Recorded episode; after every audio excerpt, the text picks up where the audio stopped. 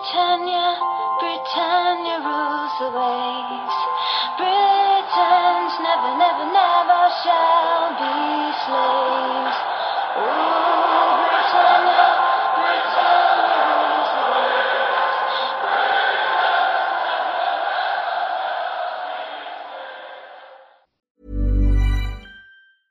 Hiring for your small business? If you're not looking for professionals on LinkedIn, you're looking in the wrong place. That's like looking for your car keys in a fish tank. LinkedIn helps you hire professionals you can't find anywhere else, even those who aren't actively searching for a new job but might be open to the perfect role. In a given month, over 70% of LinkedIn users don't even visit other leading job sites. So start looking in the right place. With LinkedIn, you can hire professionals like a professional. Post your free job on linkedin.com slash people today.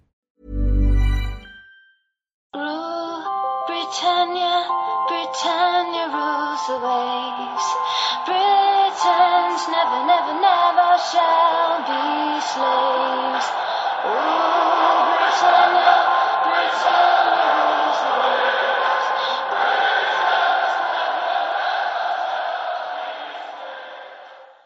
Hej och välkomna till avsnitt 144 utav Svenska FPL-podden.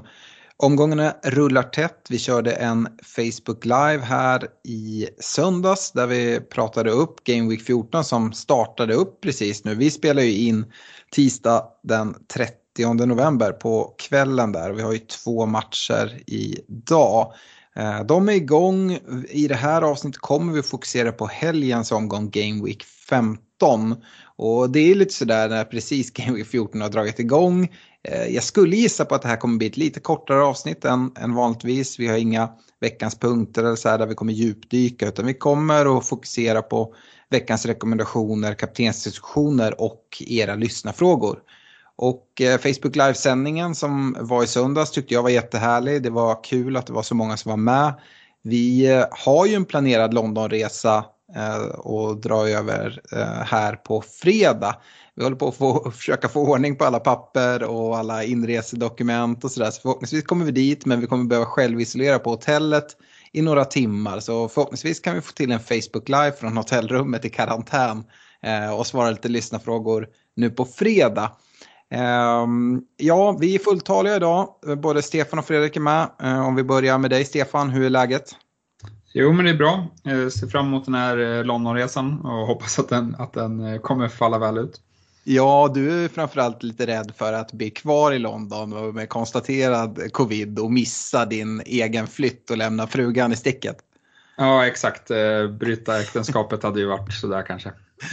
Ja, det är härligt. Blir man kvar där då kan man ju bli kvar på längre tid än de här liksom, tio dagarna man behöver stanna och skaffa. Liksom, du kan säkert få något bra pris på eh, kvarvarande biljetter på, på Emirates eh, resten av säsongen. Så syns vi i april när vi, när vi kommer på poddresan. Ja, exakt. Härligt. Eh, Fredrik, läget med dig?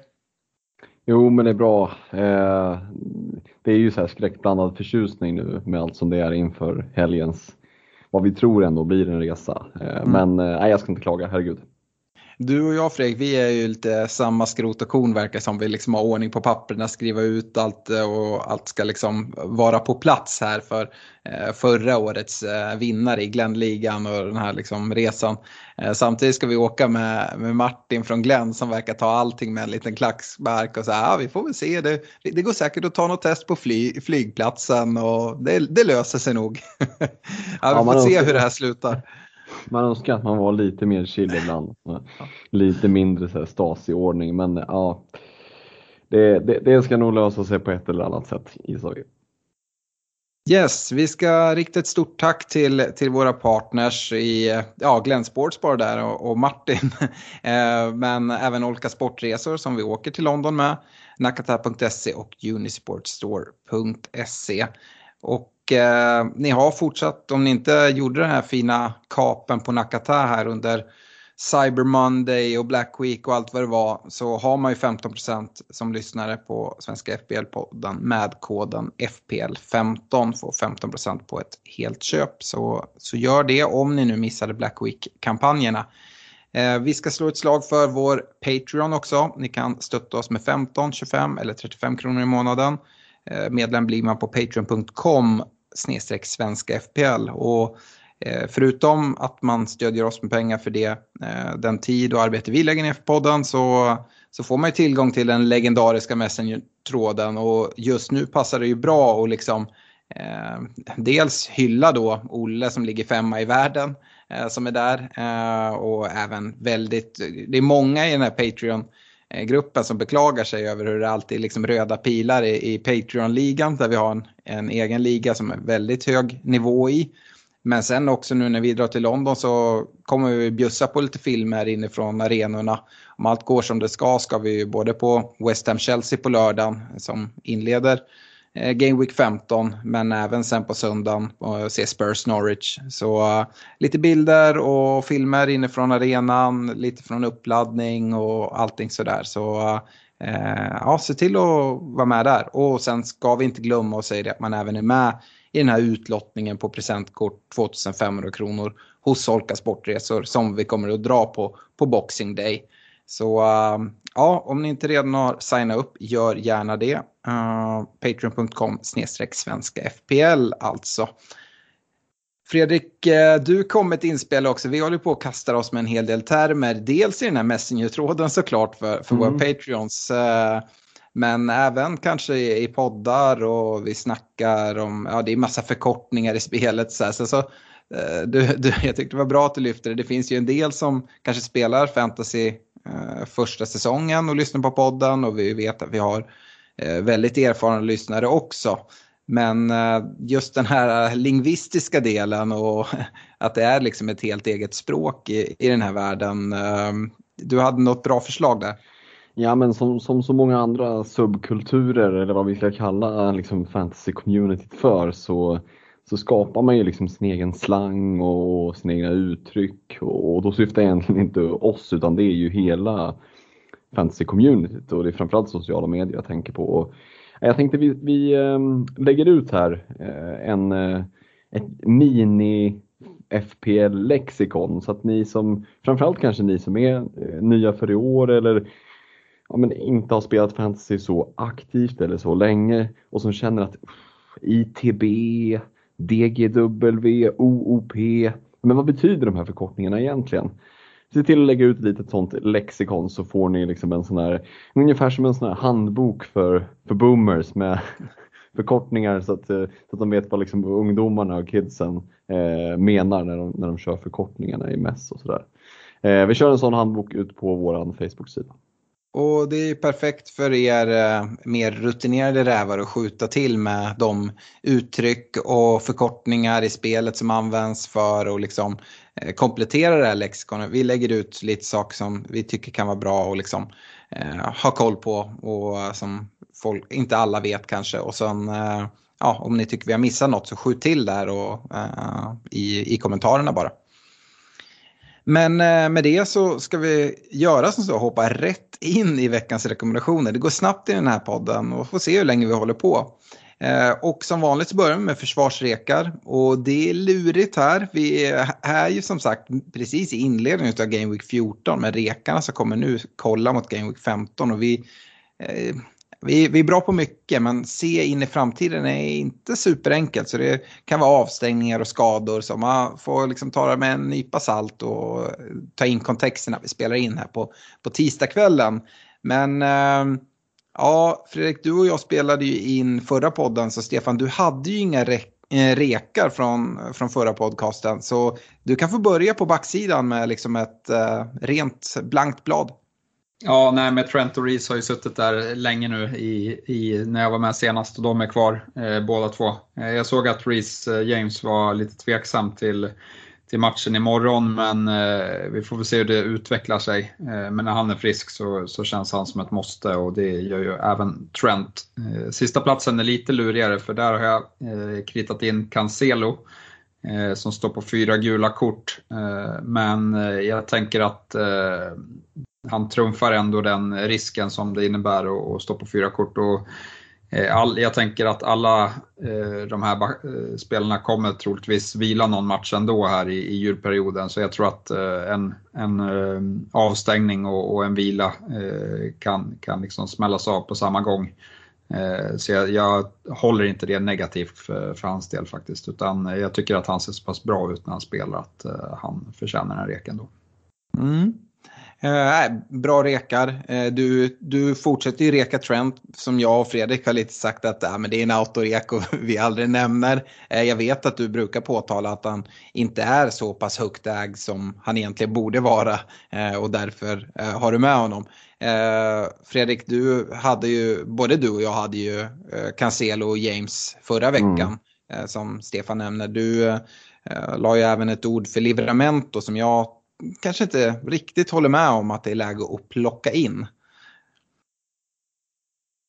Nej, precis. Och det här försvarsrekarna, om anfallsrekarna är lite kluriga att hitta två som är bra så är försvarsrekan, där hade man ju kunnat haft fler än, än tre. Eh, vill du att jag fyller på med tre stycken eller? Ja, det får du gärna göra. Eller liksom, du får ju gärna upprepa från förra veckan med Livramento och James Cancelo om du vill det. Ja, men jag, jag tänker så här, jag tycker Stefans resonemang kring Cancelo är liksom helt rätt. Att eh, även om det finns ett avstängningshot så då kommer det att kombineras. Jag tror att Pep är ganska medveten om det också och att han tänker att det kanske kommer en naturlig vila och, och eh, för en spelare som inte behöver vila så mycket så det kan det väl liksom vara tacksamt då att det, det kommer lite av sig självt. Cancelo är given i min rek eh, oavsett fyra gula eller inte. James är kvar. Jag hade kunnat tänka mig ha kvar Livrament, tycker fortfarande det finns ett bra case. Eh, men väljer och han får göra plats för, för Alonso. Jag tycker att det finns ett väldigt stort värde i Alonso nu när, när Chilwell gick sönder. Eh, och uppdubblingen med Alonso James, den, eh, mm, den ser eh, tasty ut. Ja, jag gillar den ju lika mycket som dig så att jag har faktiskt också kritat ner Alonso, James, Cancelo. Vi resonerar exakt likadant alla tre kring, kring Cancelo. Det är nästan så att liksom en avstängning på Cancelo är bara välkommen att ta emot. Då har han liksom den vilan ur världen och man vet som fantasymänniska att ja men Cancelo, där kan jag räkna bort, det kommer inte bli något inhopp. Jag behöver inte tänka på att han eh, kommer att rotera i matchen efter sin avstängning utan alltså 90 ja, till och med med Pep kan man ju vara 99% säker på att han kommer att starta veckan efter då och förmodligen även veckan efter det för då har han fått sin vila. Så att eh, den här avstängningen i ett sånt läge den är nästan välkommen som fantasy manager. Eh, enkelt att planera för. Eh, Reece James, ja det är väl liksom den stora, det stora frågetecknet just den här eh, med känningen, skadan, vad är det? I det här tajta matchandet kan det vara en skada som går att dra sig upp eller så här. Men jag kan inte liksom plocka bort den från, från reken så som han ser ut. Och uppdubblingen på, på han och Alonso gillar jag jättemycket.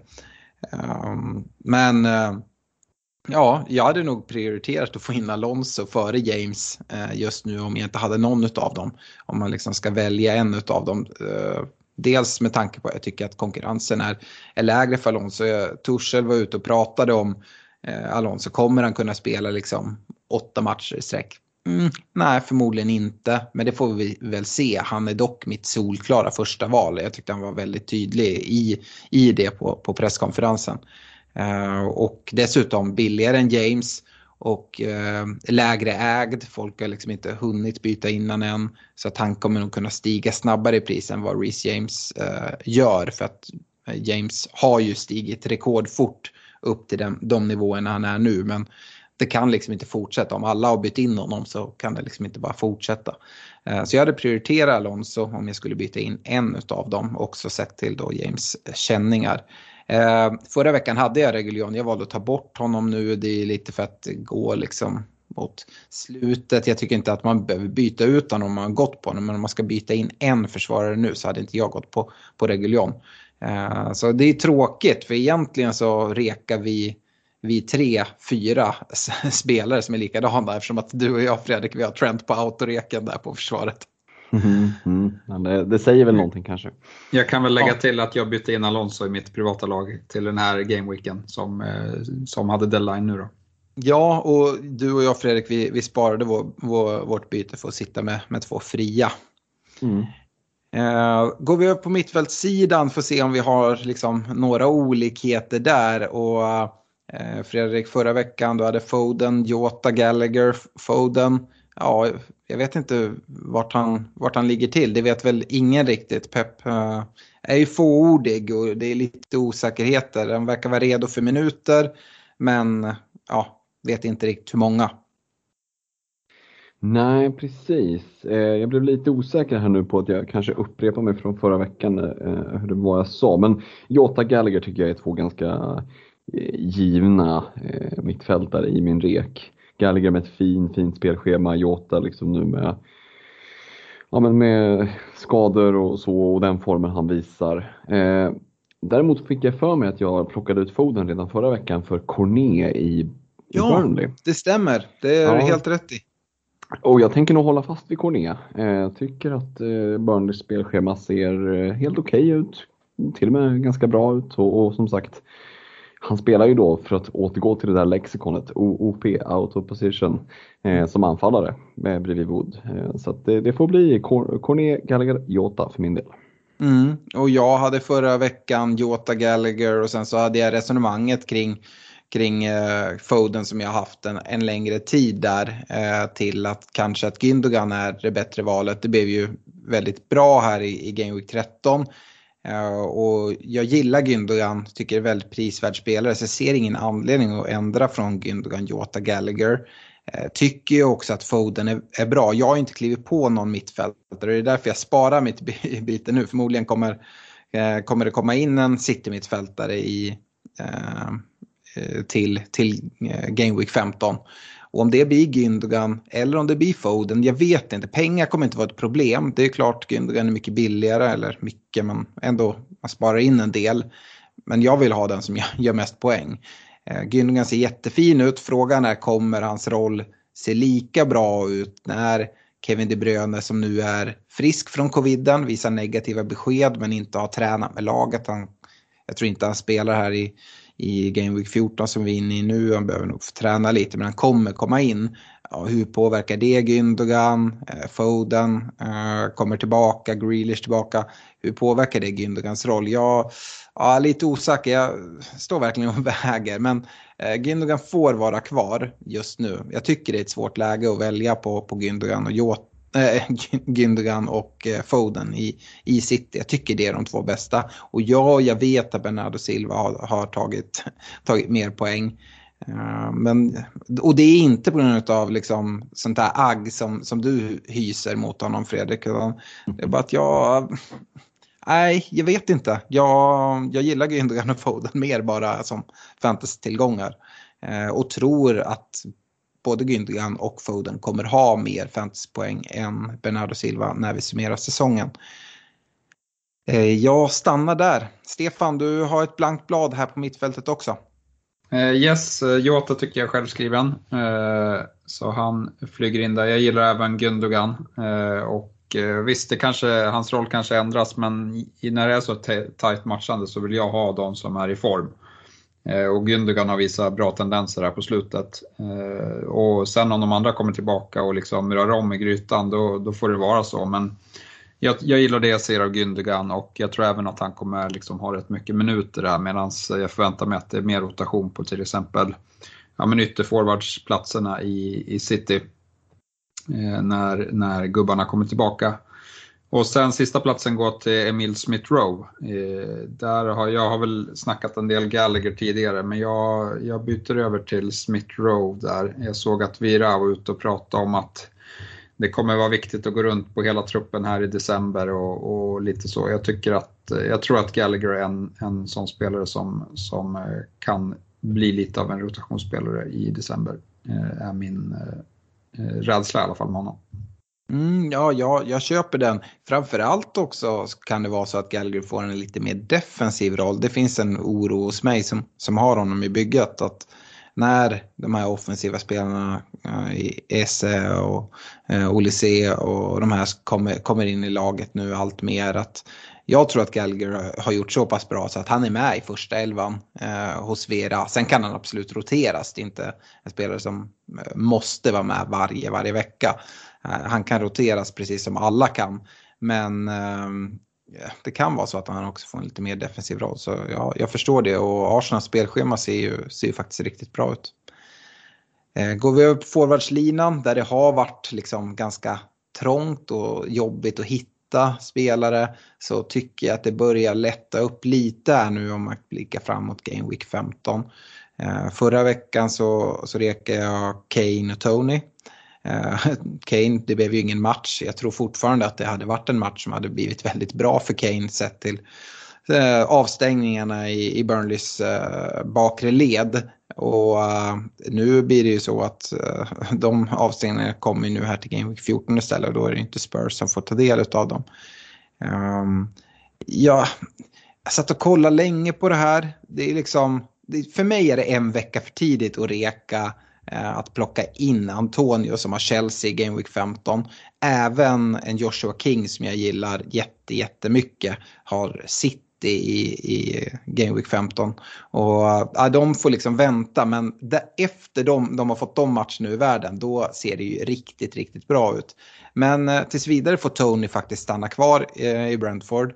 Och Eh, sen kastar jag in en eh, ytterforward i, i City i form av eh, Jesus.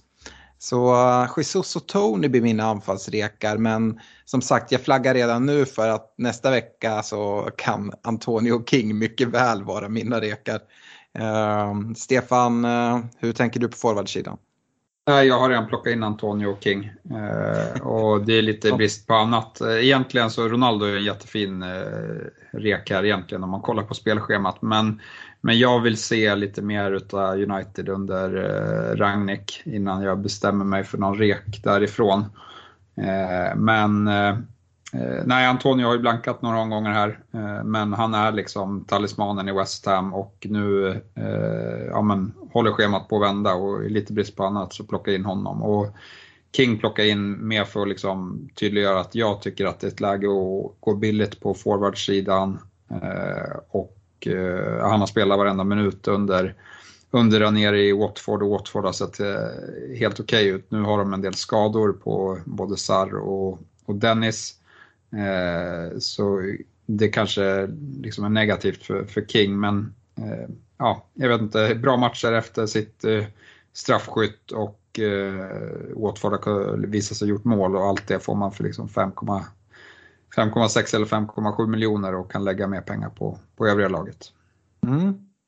Härligt. Uh, Fredrik, du hade Kane och, och Jimenez förra veckan. Jag antar att det kan hända någonting där. Kan konstatera också att din härliga Callum Wilson såklart rullar in en straff trots att de är en man mindre här ikväll. Mm, ja, det är underbart. Det är alltid, alltid fint med utdelning på de här, eh, ja, men man får väl kalla dem för differentials som man sitter med. Mm. Ja, Wilson kan jag verkligen. Mm, mm. Det gillar vi. Nej, dessvärre så tar han sig inte in på någon rek här. Han går ju liksom mot det där, mot det där stupet så att säga. Eh, Kane blir ju svår att plocka bort tycker jag. jag tycker att det, nu har ju Kane blivit väldigt förbisedd i men snack, hela snacket kring eh, fantasy-communityt. Det har liksom någonstans bara dött ut och det är ju nu crescendot ska komma. Vi är ju förhoppningsvis på plats där och ser eh, matchen hemma mot Norwich. Eh, och alltså, det är klart att man tar ju inga minuspoäng för, för att plocka in honom men Sitter man med ett lag som man känner är riktigt, riktigt schysst. Man känner att jag har inga bränder att släcka. Man sitter med Ronaldo. Jag tycker inte att det är helt, helt galet att bara göra liksom ett byte, rulla nästa byte så du fortfarande sitter med två fria. Chansa och bara smyga in eh, Harry Kane liksom mot Norwich hemma. Det, det, jag tycker att det kan finnas liksom ett, ett litet, litet case för att faktiskt nu när ingen uppenbarligen går för Kane att faktiskt snegla lite ditåt. Så Kane blir kvar i reken och sen så är det Antonio. Eh, jag hör vad du säger Alex, det är lite tidigt men eh, han har haft fyra raka blanks nu och då kan man säga att det är definitivt inte läge att ta in honom. Å andra sidan så vet vi ju att Antonio är ju en sån där som när han väl kommer in i sina streaks då kan det liksom då, då kan det smälla rejält och känslan är ju att ett sån, en sån streak kan börja vilken vecka som helst nu. Ja, och det är en spelare som kan göra mål mot vilket lag som helst. Men mm, det, det är ju också under de här blanksen inte så att han har liksom radat upp chanser och inte riktigt satt dit dem. Utan jag tycker han har eh, Eh, driftat iväg lite och snarare när, när Western kommer till lägen så är han någon liksom hockeyass-kille och liksom är inte riktigt där i de positionerna där jag vill ha honom. Jag hoppas ju när spelschemat vänder att Antonio mer kommer att befinna sig inne i boxen där jag vill ha honom där poängen skapas. Antingen via att han sätter dit den eller att han skjuter och någon drar in en retur och han får asspoäng eller sådär. Um, så ja, vi får se. Uh, jag tror ni som rekar dem till den här veckan kanske inte har de högsta förväntningarna på att det ska bli höga poäng uh, hemma mot Chelsea. Uh, och det är också, dina rekar där, det är också en match som vi ser. Så både mm. Antonio och Kane här till Game Week 15, där är vi på plats. På, så ja, det, är, det är kul om inte annat. Uh, vi ska ha en kaptensdiskussion för, för Game Week 15 också och uh, deadlinen är på lördag 12.00 för West Ham Chelsea. Uh, det känns härligt att säga när man vet att man, eller vet vet man inte, men att man hoppas att man är där på plats och med riktigt bra platser ja, ni rekar Antonio men det är inte där vi sätter någon kaptensbindel. Eh, den här veckan i Game Week 15 kommer det ju vara två saker. Precis som alla veckor så måste vi prata Sala. Eh, det är Liverpool borta mot Wolves. Men det är Sala. Eh, och sen så har vi den här panten eller vad man ska säga som du pratar om Fredrik i, i Kane som ska mm. möta Norwich. Och ja, ja det, det, är väl någonstans där det står. Om man har Kane och, och Sala så mm, ska man liksom hålla på sin permakapten eller um, vi får nästan utgå från att man sitter med, med båda och har resonemanget kring vart man sätter binden. Vad, mm. vad säger du Stefan? Nej, jag kommer ju sätta den på Kane. Eh, så det, om och om inte nu han eh, ser eh, fantastiskt, fantastiskt dålig ut mot uh, det, bet- eller det svårare motståndet, Brentford. Mm. Uh, ja, men det är lite också för att han har fått uh, vila nu, ofrivillig vila, men, men mm. de spelade ju inte så att han har ju bara två matcher på, i benen när, när den här helgen eh, drar igång och, och Salah kommer ju troligtvis ha tre matcher i, i, eller ska spela sin tredje match där den mm. helgen. Så lite så tänker jag med, med binden eh, just och liksom Norwich hemma. Eh, jag, är, jag är beredd att chansa på att Kane kan göra det bra där. Mm. Sen är det extra skönt att sitta på läktaren och jobba sin kapten. Eh, det, det förstår jag, det, kommer, det blir inte dubbel glädje. Det är nästan att ska kasta in en, en triple mm. captain där. Eh, Fredrik, hur hade du resonerat? Jag vet att du inte sitter med Kane. Men om du hade haft honom, Wolves borta för Liverpool. Wolves, alltså de, eh, de är rätt tajta ändå. Mm. Med risk för att det är klart man blir lite sådär när vi ska vara på plats då förhoppningsvis. Så så hade jag nog faktiskt ändå smugit in en, en eh, Kane Bindle. Jag tycker att läget, om någon gång man ska gå ifrån Salah när det är som det är just nu. Ja, Wolves borta, det är en ganska tuff match. Även om Liverpool har vunnit med ett par bollar sådär tidigare så är det ingen som kan bli jätteförvånad om Kane outscorar Salah i, i den här omgången. Så att, eh, jag tycker det finns ett jättecase för att, att jobba in en Kane Bindel de poängen är ju mumma för Stefan också ifall han får in det mm. kanske är de som, som gör att han knaprar ikapp. Mm. Sam, samtidigt känner man sig ju aldrig obekväm att sätta binden på en Nej, Mohamed Salah.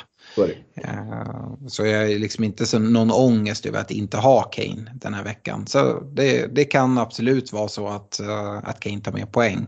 Men uh, ja, så är det. Stefan, det finns ju många som stod där i valet och kvalet. Inte jättemånga som gick både Kane och Son. Vissa gjorde det och har haft det lite tufft. Men om det är så att man eh, bara valde en och man gick på Son. Hade du resonerat likadant då? Jag tycker ju Son har sett eh, om möjligt ännu svagare än vad, vad Kane har gjort på, på senare tid. Uh, hade du kunnat tänka dig att uh, sätta binne på en Son före en, en eh, uh, Sala mot, mot Wolves? Jo, men det hade jag nog. Eh, alltså, eh, om man inte vågar chansa när de har Norwich hemma då, ja men då, det är klart att man kan vara tråkig och köra Salla. Det är väl liksom, på förhand så, så kan man köra Salla varenda, varenda match den här, eh, det här året känns det som. Men, men jag är lite mer riskbenägen just när det är liksom en, en sån match. Eh, mm. Det, det, är egentligen bara Norwich och, och Newcastle till viss del Eh, där man känner så. Newcastle får vi se om de kommer fortsätta vara, eh, vara lika dåliga under, under eh, Eddie Howe nu då. Mm.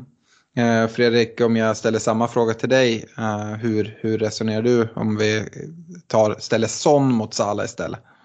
Mm, ja, caset är väl inte riktigt lika starkt men hade jag suttit med Son i bygget hade jag smugit in binden där också. Mm. Jag tar en så här skön programledarroll och bara bollar över frågorna till er. Eh, jag ska väl säga hur jag tänker också. Eh, jag, jag lutar på samma sätt som er mot en Kane ändå. Uh, hade jag haft båda så tycker jag att ja, men det är läget. Och det är väl det som liksom ändå jag gillar med att inte ha Kane och, och sätta den på Salah. För att jag tror att hans Eh, effektiv ägarandel kommer vara betydligt lägre den här omgången. För jag tror att folk kommer chansa med, med sina Spurs-gubbar. Eh, jag hade inte chansat på, på sånt på samma sätt. Utan eh, Norwich, ja absolut. Kane, då hade jag gått dit. Men jag känner mig så trygg i, i Salah ändå. Eh, så eh, att jag hade hellre satt den på honom. Eh, men Kane, äh, det, hade jag, det hade jag nog gått på. Och som sagt, nu sitter vi och resonerar kring det här. Vi får se hur, hur Spurs ser ut mot Brentford här. Jag vet inte, är det imorgon de spelar? Onsdag tror jag. Eh, och eh, jag vet inte, det är som Stefan är inne på att de fick vilan här i helgen. Det kanske är framförallt att de, de kommer köra över Brentford fullständigt. För det är inför den här matchen de har fått den långa vilan så att säga. Uh, sen så är det ju... Mm, tors, torsdag ja, spelar de. Torsdag, ja precis. Mm. Så att alltså torsdag, söndag det är ju inte speciellt lång vila. Å andra sidan så blir ju allting liksom ackumulerat, man har samlat på sig över tid. Men um, jag tror att den här Brentford-matchen kommer liksom uh, Spurs vara rätt sugna på, på, på att lira fotboll. Um, så ja, vi får se. Och det beror ju på. Ser sån jättefin ut mot Brentford, ja men då kanske man liksom omvärderar för min del då. Alltså, kan tänka sig att sätta binden. Men jag är, inte, jag, är inte, jag är inte värre än så, jag kan ändra mig. Uh, men visst är det där vi stannar någonstans. Uh, I Game Week 15 ska ju Manchester City uh, också till London och möta Watford. Um, men eh, jag tycker det är svårt med, med City-bindlar. Alltså. Eh, det skulle väl eh, ja, nej, jag, jag hittar liksom ingen annat. Liverpool-spelare har man, Salah har man förmodligen. Eh, om man har Kane eller inte, ja det är väl en annan sak. Men jag tycker inte man behöver gräva djupare i en kaptensdiskussion. Eller är det någon liksom, outsider du vill skjuta in, Stefan? Nej men alltså har man någon jättebra känsla för någon i City så kan man ju såklart gå för det. Watford har ruggiga skadeproblem just nu så att det skulle kunna bli en sån här 5-0 match som vi, som vi får ganska ofta från, från uh, City.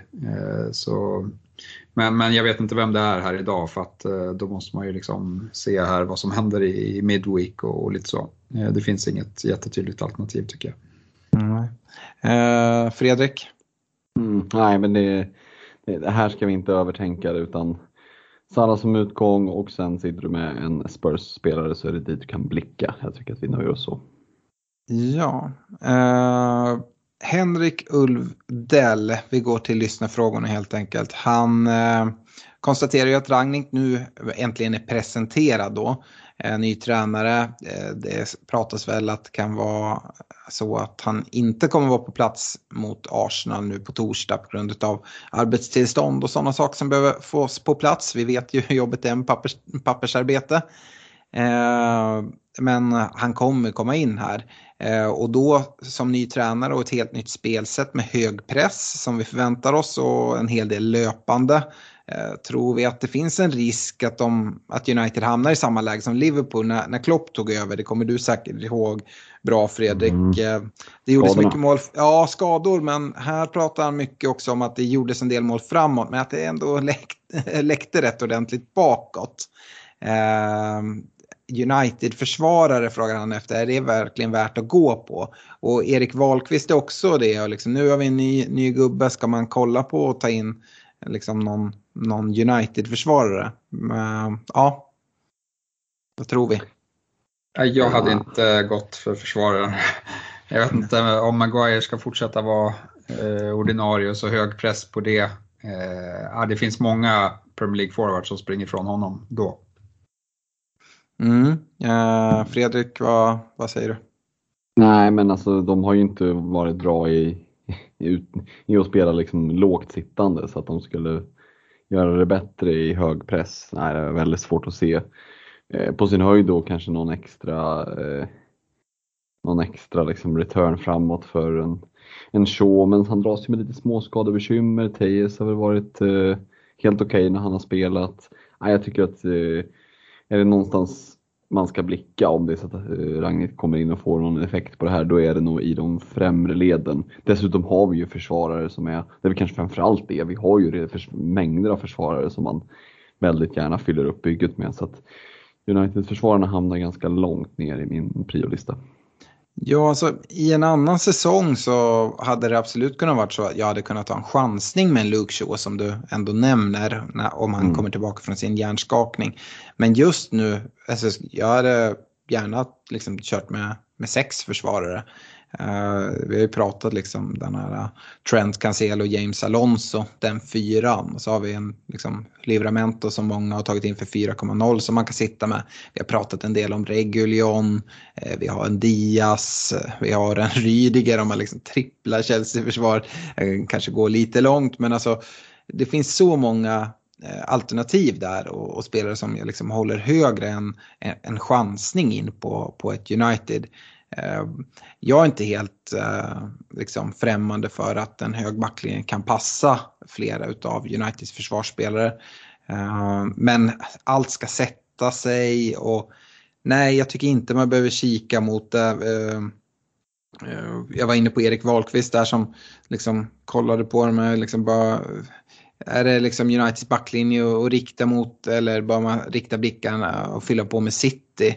Idag sitter han med Cancelo och Foden. Ja men, liksom, ja, men Cancelo går ju före alla, alla och det har han redan. Men sen så, eh, ska, han kanske ska ta in Ederson i försvaret för att bygga på City än, ännu mer eller ta in en United-försvarare. Jag tycker inte det är riktigt liksom, eh, eh fråga där man väger emot varandra. Eh, ta in Ederson, ja, det är inte mitt sätt att spela spelet på, men det kan man göra. Då har man liksom en, en säker City-defensiv eh, som, som spelar varje vecka och liksom, eh, trycker till med, med Cancelo. Och det är istället för att ta in en Diaz till exempel. Eh, och det kan jag förstå med tanke på att liksom, jag tycker att det så, eh, finns så många andra försvarare att, att jobba med där. Men United-försvarare behöver det inte jobba in. Eh, samma Chris Carlson undrar om liksom målvaktsbyte Ramsdale mot de Gea. Och då vet jag inte vad han... Det är alltid så svårt med en sån fråga. Jag vet inte eh, vem han går för till den andra. Hur, hur tolkar du det, eh, Stefan, om man skriver Ramsdale mot de Gea? Ja, jag vet faktiskt inte. Nej, det, men, det, det är svårt men, att skriva. Men byte, generellt så tycker jag byten är för värdefulla för att slösas på, på målvakter. Mm. Det är mm. väl liksom min stance i det hela. Eh, och jag vet inte vem som, alltså både Arsenal och United har fina eh, spelscheman så jag tycker det är omöjligt att säga om vem som kommer ta mest poäng utav, dem. Vi brukar ju alltid säga det, liksom alla tre, att med målvaktsbyten det, det sysslar vi liksom inte riktigt med. Utan man får stå sitt kast, det man valde i början av säsongen eller sen så byter man vid wildcard. Alternativt fanns ett läge där för San, Sanchez-ägarna när han tog rött kort om man inte hade något att byta. Um, för att oavsett om jag hade suttit med, Ram, hade jag suttit med Ramsdale hemma då hade jag varit nöjd. Det kanske är en av spelets bästa eh, målvakter att sitta med just nu. Eh, och hade jag suttit med de Gea så alltså, hade jag inte tyckt att det var ett problem för att liksom göra det bytet heller. Så att eh, nej, sitt, eh, eh, sitt lugn där tycker jag. oavsett vem av dem det är du har. Eh, Fritiof Lindström undrar också om det är dags för att ta in Manchester United-spelare och vilka. Kan väl egentligen bara upprepa det vi sa i vår livesändning där. Den spelare som jag har ögonen på det är en Jadon Sancho. Det är ingen spelare som jag kommer stressa in på något sätt utan jag vill se hur allting sätter sig. Men jag tror att han, han kan passa i det här spelet. Det känns som det är en spelare som är på väg in i form, eh, få självförtroende. Eh, Ragnik ja, självklart han kommer tycka om att spela tysk fotboll. Eh, Jadon Sancho har spelat i Dortmund med ett liknande eh, presssystem och Ehm, nu på senare tid att hans form har börjat se bättre ut. Det kanske har något att göra med att han har fått spela i sin riktiga position ute till höger där han är som allra bäst för det har han faktiskt inte gjort. Så att eh, Jadon Sancho sjunkit en del i pris och sådär. Ehm, ja, det är en spelare jag skulle kunna lockas av. För annars är det liksom en Ronaldo som är ganska dyr som det ändå finns tveksamheter till. Jag tror att Ragnik till exempel kommer älska en spelare som Cavani. Eh, ska han spela Cavani och Ronaldo? Ja, det kanske går men ja, det, det, är mycket pengar att skicka in och jag kommer sätta binden på Salah mest hela tiden så då vet jag inte om det är värt att ha Ronaldo eller sprida ut de riskerna. Min bedömning är som sagt, jag har ju Ronaldo och kolla på att byta ut honom för att, att sprida ut pengarna istället. Så det är min tolkning på det. Jag tycker att man avvaktar. Jag känner inte att jag behöver vara absolut först på bollen på, på United-spelare som eventuellt kan flyga här framöver. Eh, det var United det. Eh, Albin Johansson, han börjar kika mot West Ham, vilket han kanske gör rätt i. Eh, Bowen eller Ben Rama nu när spelschemat vänder för West Ham, Fredrik. Jag pratade ju en del om, om Bowen eh, tidigare och håller väl han högst av de två om man ska plocka in någon nu? Ja, det landar man nog i ändå. Eh, det är lätt att titta liksom hur mycket poäng de har dragit in och ja, nu skiljer det i och för sig bara två poäng ändå ser jag och känslan var att Ben liksom hetsade in poäng där i början.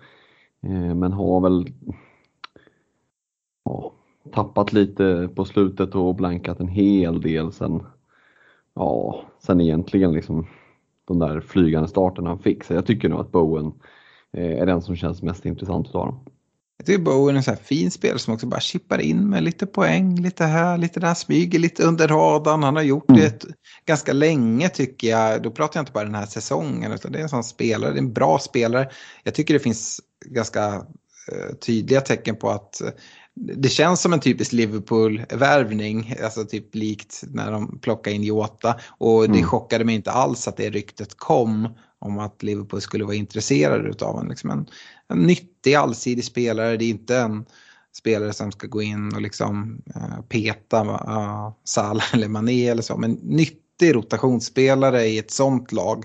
Och i ett West Ham så är han ju en väldigt viktig spelare. Så uh, jag gillar verkligen Bowen och kan ju se att är det så att uh, Antonio inte kommer igång på anfallssidan att ja, de som har valt att byta ut Antonio tidigare att eh, till en början kanske bara nöja sig och plocka in Bowen om det passar bättre i ens liksom, struktur och lagbygge. Eh, och sen eventuellt om Antonio kickar igång och plocka in honom. Eh, så jag, jag tycker Bowen är en jättebra spelare att, att kika mot nu med, med spelschemat. Mm, tacksam prisklass också 6,4. Det är en, en ja, men det är rätt lätt att kliva in där ändå får man väl säga. Mm. Ja, men det är det. Eh, Ja, eh, Stefan eh, Kaleb Engvall, han undrar om Vardy är ett bättre alternativ än Kane just nu med tanke på att det lossnar för honom i helgen, Game Week 13 och eh, ja, han är en bra bit billigare också.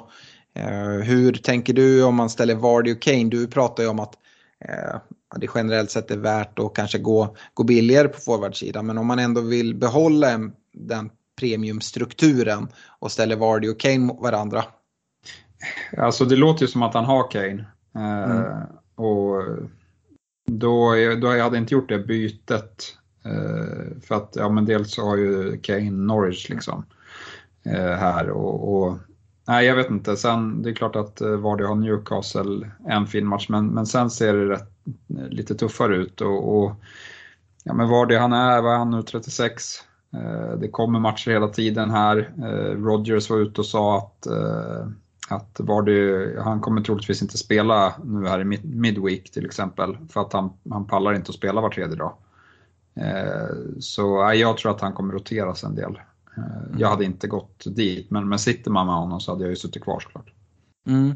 Det, det är det som är också. Jag, jag tycker det är ganska perfekt eh, att liksom jämföra dem mot varandra. Jag vet inte om du håller med här Fredrik men i, i Spurs till exempel så har vi en Kane där det liksom inte finns några riktiga anfallsalternativ. Jag kan inte riktigt se att Kane ska, ska vilas i, i midweek-matcher eftersom att det enda alternativ de har det är egentligen att flytta upp Son. Uh, mm. Och då behöver de trycka in en mittfältare. Kollar man däremot på en trupp i Leicester där man har gjort en stor värvning i Patsandaka för den här säsongen som uh, framförallt har fått speltid i, i Europa men även fått en del inhopp och man gjort det rätt okej. Okay. Och en Ianacho. Eh, ibland spelar de med två anfallare eh, och ibland med en. Men oavsett så tycker jag liksom det finns, det finns alternativ för Rodgers där på ett annat sätt. Eh, och då inför julschemat då tycker jag liksom man sitter väldigt mycket bättre med Kane än en Vardy. Då det kommer vara midweek-matcher ja, men, ganska mycket. Så äh, jag, eh, jag, jag tycker Kane eh, känns mycket, mycket mer intressant. Normalt sett brukar man säga att man ska gå till de här talismanspelen i de mindre lagen. Nu ska jag inte irritera Spurs-fans eh, uh, så mycket och säga att Spurs är ett mindre lag. Men Kane är en sån talismanspelare att han liksom inte kommer roteras. Uh, och jag, jag skulle inte säga att Vardy är en sån talismanspelare. Eller, han är ju viktig och därför vill de liksom ändå ha en fräsch när han väl spelar. Eh, delar du mina tankar där Fredrik? Mm, ja men absolut och framförallt är det ju så, det finns ju en annan en annan struktur, en annan hierarki i Leicester kontra Spurs. Så jag tror att en, en småirriterad och liksom halvt oinspirerad Harry Kane, om han blir bänkad då, då kommer han att börja grina. Liksom. Eh, Medan Jamie Vardy tar det nog väldigt mycket bättre om han får sitta bänk en match. Liksom. Han har en helt annan förståelse. Och, eh, alltså, jag tycker ju att Leicesters trupp är den mest schizofrena. Du var inne lite på det just att de kan rotera runt och jag tycker att Daka och Ianacho är ett jätteintressant tvåmananfall. Mm. Eh, som de kan spela med och så men då ska de få in liksom Madison och Harvey Barnes. Eh, ja. Mm. De får liksom eh, verkligen sådär eh, skruva till det lite och då kommer det komma bänkningar. Eh, även på, vi pratade lite i, i eh, vårt Patreon-community om just det här med men, Eh, jag vet, det bollades upp James Madison och han har ju sett liksom, ja, men bra uppåtgående form och sådär. Men jag är inte det att jag vågar lita på att han eller Vardy de här är liksom tokgivna utan jag tror att vi kommer att fortsätta få se rotation i Leicester. Och jag, visst, jag kan tänka mig Reece James att han roteras då och då. För han är så pass bra när han väl spelar. Men jag är inte beredd att kliva in på Vardy eller Madison om det finns ett rotationshot hela tiden. Utan eh, på den pengen eller liksom den positionen, då vill jag ha någon som spelar. Mm. Eh, Stefan Sebastian Bylund har hört av sig och skickar in sin backlinje som består av Trent, Reece James, Rydiger, Reguljon och Livramento och ställt en lite udda fråga i skulle ni byta ut någon av dessa mot Cancelo? Och jag hade väl kunnat tänkt byta ut liksom Livramento mot Cancelo men det är en helt annan prisbild. Jag hade definitivt kunnat tänkt byt, byta ut Reguljon för Cancelo och kanske till och med övervägt Rydiger eh, för att få in Cancelo. Så högt håller jag honom. Det är Trent och James som jag håller betydligt, betydligt högre. Eh, delar mina tankar där och liksom, det är en betydligt dyrare spelare än ja, men alla de, de tre jag nämnde i Rydiger, Reguljon, Livramento. Men om pengar inte är ett problem uh, så ska väl Cancelo in istället för någon av dem. Och kanske jag hade prioriterat då Reguljon till Cancelo i det här fallet. Ja, och sen är det frågan om timing. Eh, mm. Jag, hade, jag hade ju inte gjort det nu när man kan Cancelo på fyra gula och Reguljon har fina matcher. Eh, så, så ja, man kanske väntat och, och liksom ja, men man kanske åker på någon med Cancelo han, han, borde ju bli avstängd här. Eh, liksom, ja, men han, vad han tagit, det är vid omgång är 14 nu, han har, ligger på 4. Ja. Ja, men, ja, ja, det är nog stora chanser att han blir avstängd. Men, men annars så hade jag nog ändå väntat och liksom gett Reguljon de här matcherna mot Norwich och Brighton och, och sen kanske bytt. Mm. Ja, så är det väl. Det är om man kan göra Livramento direkt till Cancelo utan att man tycker att det skadar ens egna lag och man är, kan tänka sig att spela med en sån uppställning, något man skulle kunna göra. Alltså jag, jag, mm. jag, ja, jag gillar Rydiger rätt mycket ändå, även om jag tycker att Alonso kanske liksom är ett, eh, ett bra, ännu bättre alternativ. Men, men Rydiger kommer ju, eh, han är ju given och jag tycker han har sett eh, rätt farlig ut på fasta. Eh, det är ja, lite som att det är inte bara fasta, han tar ju bollen och gör sina räder och bara liksom sticker rakt fram. Eh, liksom och börjar skena rätt fram. det finns ju några så här mittfält, eller mittbackar genom tiderna som har den liksom att bara ta bollen och så bara, bara går de. Och så blir det svårt liksom för mittfältarna och så här, vem som ska plocka upp honom. Och han hade ju liksom eh, mot, mot United liksom en sån där bara ruck rakt fram. Eh, och sett det flera gånger. Så ja, Rydiger är fin tycker jag. Hörde jag Daniel Agger där i din tankegång? Alltså? ja, det är inte den första spelare jag skulle gå till. Uh, så, men ja, det är en, en sån typ av spelare, absolut. Uh, uh, sista frågan då, den tänkte jag ge till dig Fredrik. Det är från Oskar Fransén och anledningen till att jag ger den till dig det är för att jag och Stefan hade ju en city-mittfältare i vår reka. Det hade inte du. Oskar Fransén undrar vilken city-mittfältare vi rankar högst. Och eftersom att då jag och Stefan har haft utläggning kring, kring Gündogan, jag pratade även en del om Foden där jag tycker det, ja, det är så, så lite som skiljer dem emellan. Uh, men uh, ja, vilken city-mittfältare rankar du högst då? Då får vi såklart utgå från att uh, alla är friska. Mm. Nej, men på sikt så tycker jag nog ändå att Absolut, Gündogan har gjort det väldigt bra men jag sitter väldigt gärna med Foden. Mm. Någonstans så kliver han fortfarande före på lite längre sikt. Visst, där kan det komma, det kommer att komma rotation, jag kan ta det. Eh, han spelar långt fram i banan, men jag tycker att Gündogan också är ett bra alternativ och jag köper de eh, argumenten som ni har. Kan till och med se liksom ett, ett, ett ganska intressant case i att dubbla på Gündogan Foden i, mm. liksom, i, i bygget. Så. Men ska jag ranka dem de tre, då blir det väl ändå Foden och Gündogan och Bernardo Silva efter det. Mm. Jag, jag delar dina tankar. Eh, anledningen till att det, det är det som jag var inne på. Eh, reken faller på Gündogan är timing just nu.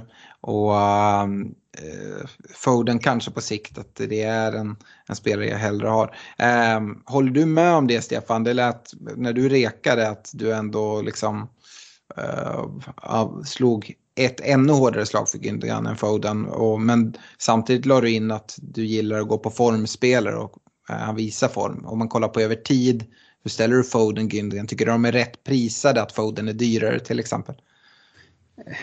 Ja, alltså, det är lite, alltså, för några veckor sedan så satt vi och sa att Foden var eh, liksom bäst i City. Jag tycker det, det svänger lite och nu har han haft lite skadeproblem så därför är man osäker. Men visar han, liksom, han, han kanske kommer tillbaka nu redan här i Midweek eller, eller eh, mot Watford till helgen och, och, ser superfin ut, ja men då, då är ju liksom de frågetecknen eh, borta igen för min del. Eh, det, det enda man vill se är att han har behållit en fin form. Så det är klart att man kan chansa om man tror att han är frisk, men, ja, men lite så här att man, att man är osäker på, på skadestatusen när, när matcherna kommer så tätt. Mm. Absolut. Vi, eh, med det så är vi klara för dagens podd. Vi ska önska alla ett stort lycka till inför både pågående Game Week 14 men även Game Week 15 som drar igång här på lördag. Och eh, för er som vill, håll ögon och öron öppna, gilla vår Facebook-sida så får ni notiser om när vi går live från London förhoppningsvis på fredag. Det blir ju, vi ska ta våra tester där någon gång eh, strax innan tre och sen ta oss till hotellet. Jag kan väl tänka mig att vi eh, går live lagom till när folk tar helg vid, vid femklippet någon gång från hotellet. Men jag vågar inte lova någon exakt tid. Men eh, svara på lite lyssnarfrågor och eh, ja, ge en rap rapport från, från eh, London och eh, ja, hur, hur taggade vi är och eh, så. Så eh, häng med oss där. jag tackar för mig. Ha det bra. Ha det bra. Ha det gott. Ciao.